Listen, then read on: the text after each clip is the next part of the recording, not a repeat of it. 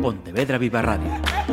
Cara a cara. Damas y caballeros, la Asociación de Directores de Informativos de Radio y Televisión da la bienvenida a Sara Gómez y Belén Iglesias.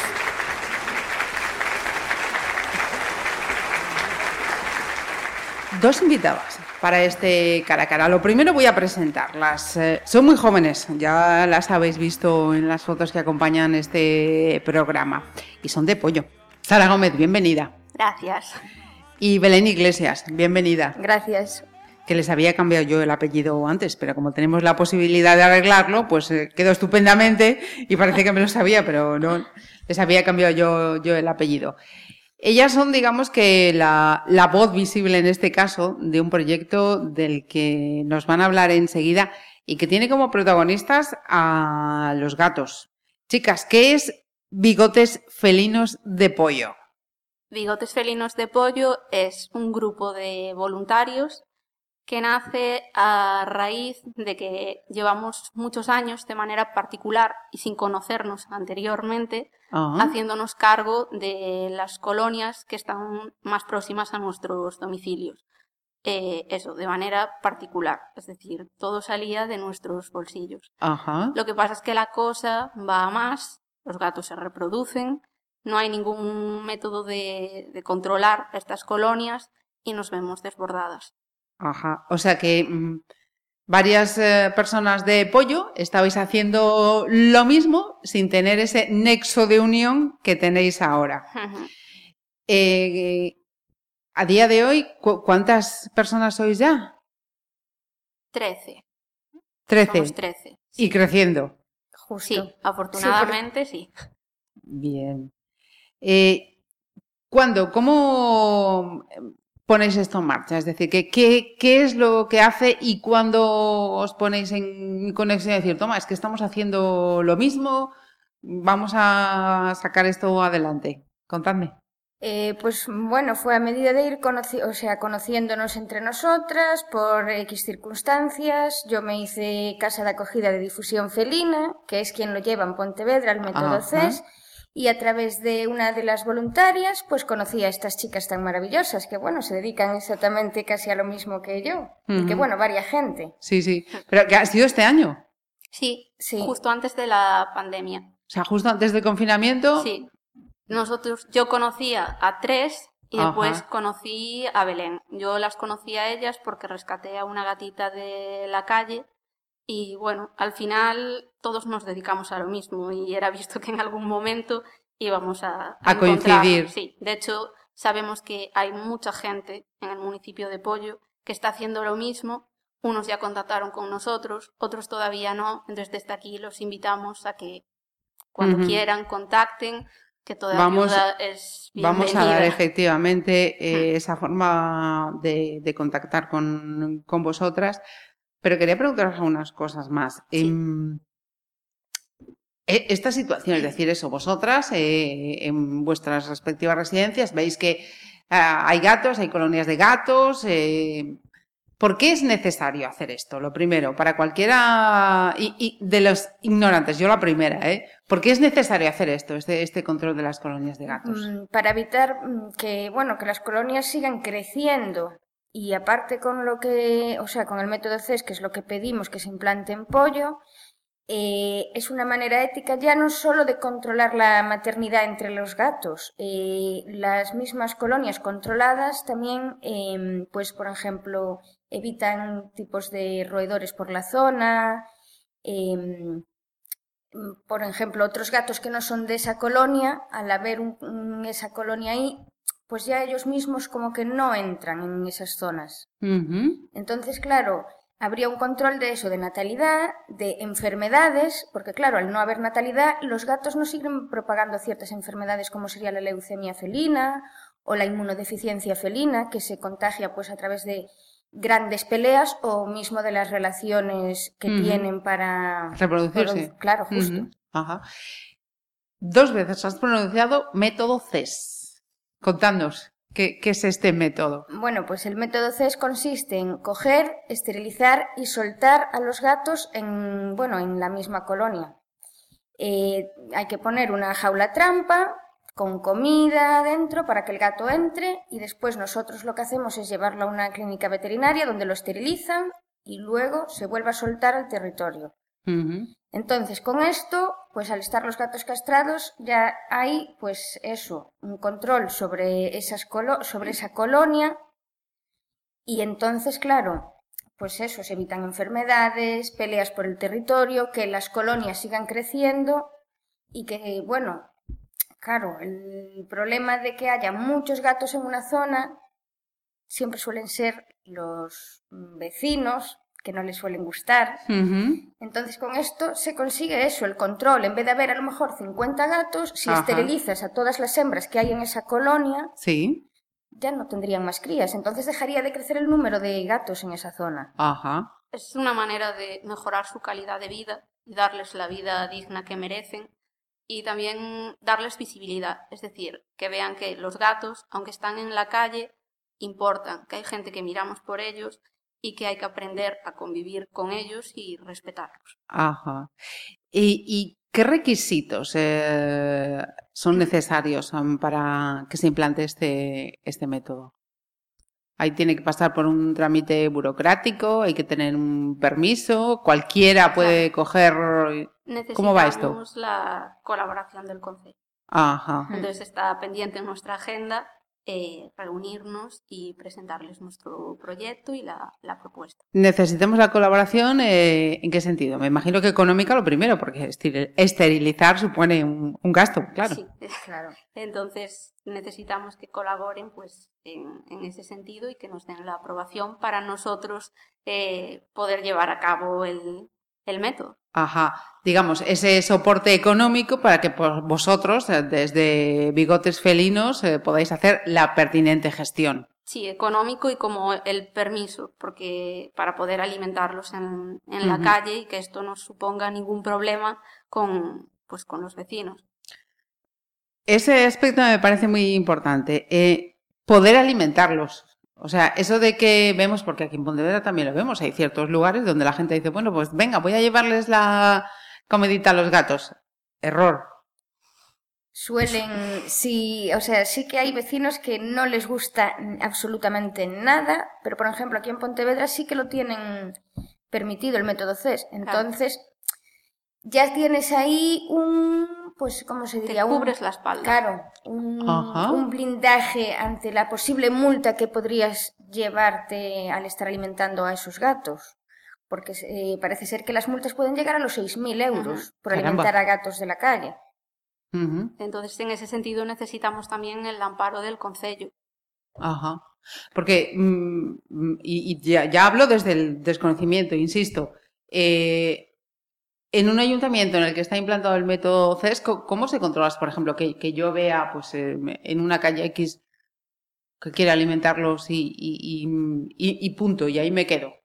¿Cómo se controla eso?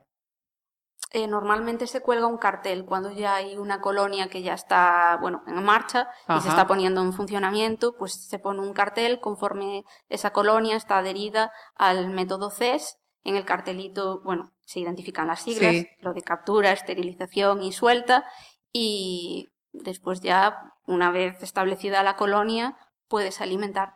Pero para ello es necesario establecer la colonia como tal. Ajá. O sea que eh, previamente a darles ese alimento ha habido que pasarles por esa esterilización, ¿no? Claro. No, no es, venga, yo les doy, no, primero. A ver, nosotras lo mm. estamos haciendo. Sí, sí. Claro.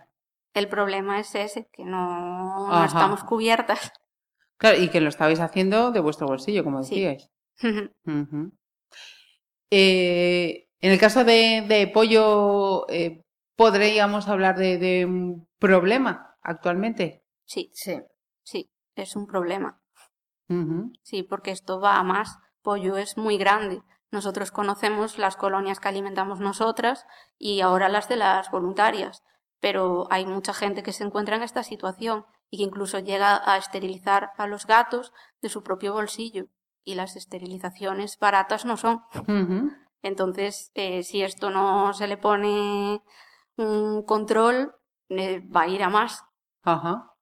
Entonces hay que buscar la manera de, de poder controlarlo y eso, al final es mirar por su calidad de vida y, y porque estén protegidos. Ujú. ¿Por ¿Cuántas colonias? ¿Podéis tener un número o Complicado. es difícil? Yo tengo una, ella tiene otra, nuestras otras compañeras otra y cada voluntaria somos 13. Prácticamente cada una se ¿Tiene podría decir que tiene, que tiene una. ¿Y cuántos puede haber en cada colonia?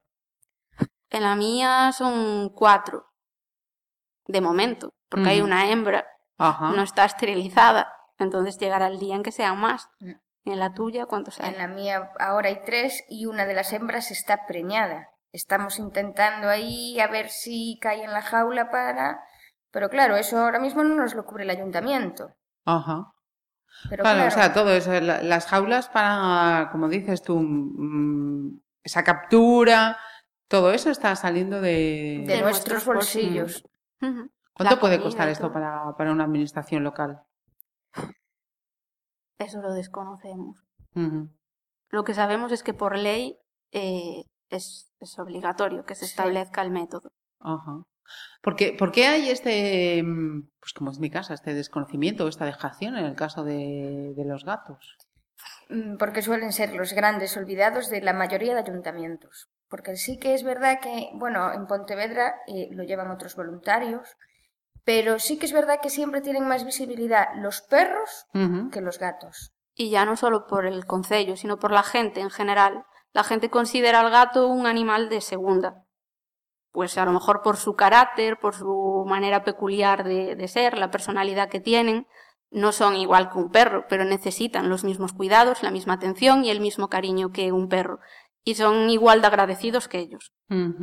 Entonces, en ese sentido, son muy desconocidos. La gente por el carácter a lo mejor que parecen más rudos o más independientes, pues eh, se piensan eso, que es tenerlo y ahí se queda. O sea, de hecho, en muchos concellos se ve eso, que hay gatos de la calle que tienen dueños y que tú los ves y que están desnutridos, con enfermedades en la piel, sin desparasitar.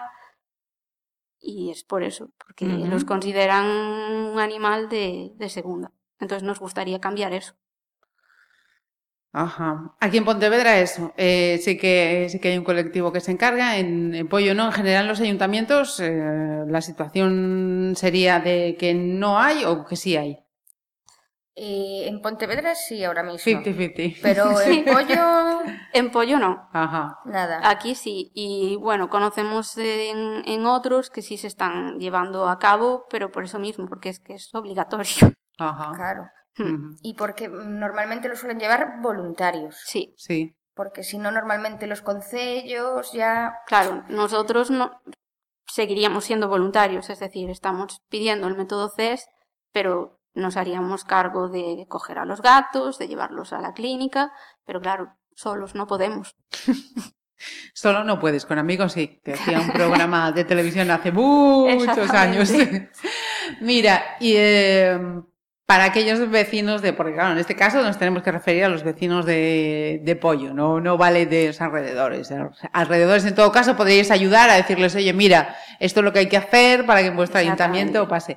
Pero en el caso de Pollo, eh, ¿cómo contactar con, con vosotros y qué hacer cuando vean un gato por ahí?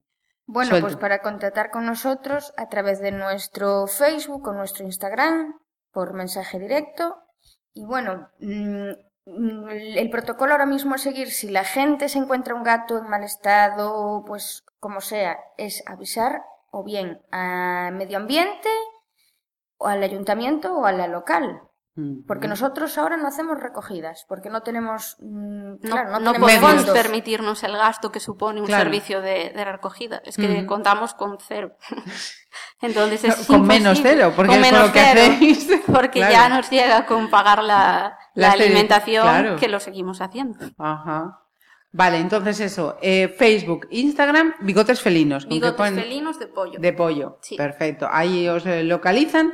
Y si se ve algún animalico, avisar a medio ambiente, ayuntamiento o policía local. Exacto. ¿Esa reunión con el Consejo ya tiene fecha o de momento no hay...? Eh, de momento no hay fecha porque, bueno, hemos intentado contactar con los de medio ambiente, pero claro, el que lleva en pollo lo de medio ambiente está de vacaciones hasta hoy. Ajá. Justo hoy acaban las vacaciones. Bueno, o sea que este mes podría ser entonces. Y estamos recogiendo firmas también, importante. Ajá, recogiendo firmas para que se A pueda... favor del método CES. Entonces Ajá. Invitamos a la gente a que nos eche una firmita. Ajá. Para echar esas firmas, ¿cómo tienen que hacer? ¿También en vuestros perfiles? En nuestro Facebook tenemos un post donde ponemos las tiendas y bueno, los negocios en general, donde dejamos las hojas para que La gente pueda firmar. Sí. Perfecto. Y si algún negocio, por ejemplo, se, bueno, quiere- adherir y colaborar. También eh, desde nuestro Facebook puede descargarse la hoja de firmas y bueno, ponerla en su local y luego eh, cuando la tenga completa pues nos avisa o bien si podemos pasarnos a recoger o bueno, ya se mirará. Sí. Pero si alguien quiere colaborar, estupendo. Bienvenidos Toda- serán. todo tipo Toda de ayuda, es buena. la recibimos encantadas. Eh, Sara y Belén, sois, sois muy jóvenes. ¿El resto de, de voluntarios que decíais, 13 personas más, también son jóvenes? Mm, Hay un poco de todo. Hay de ¿eh? todo. Sí. Nosotros creo que somos las más jovencitas, Sí. Mm. probablemente, sí. Y os ha tocado llevar la voz cantante. pero encantadas. Perfecto, pues Sara y Belén, muchísimas eh, gracias eh, por acompañarnos aquí en, en Pontevedra Viva, por darnos a conocer vuestra iniciativa y, oye, si hay novedades, encantadas de, de reportarlas. Mucha suerte. Muchas gracias, a Gracias por la oportunidad. Pontevedra Viva Radio. ¿Me permiten que les haga un comentario como espectadores del programa Cara a Cara? Según un reciente sondeo de mercado, ustedes disponen de estudios e inteligencias superiores a la media. Sus intereses abarcan desde la actualidad mundial y la ciencia hasta el deporte y los espectáculos.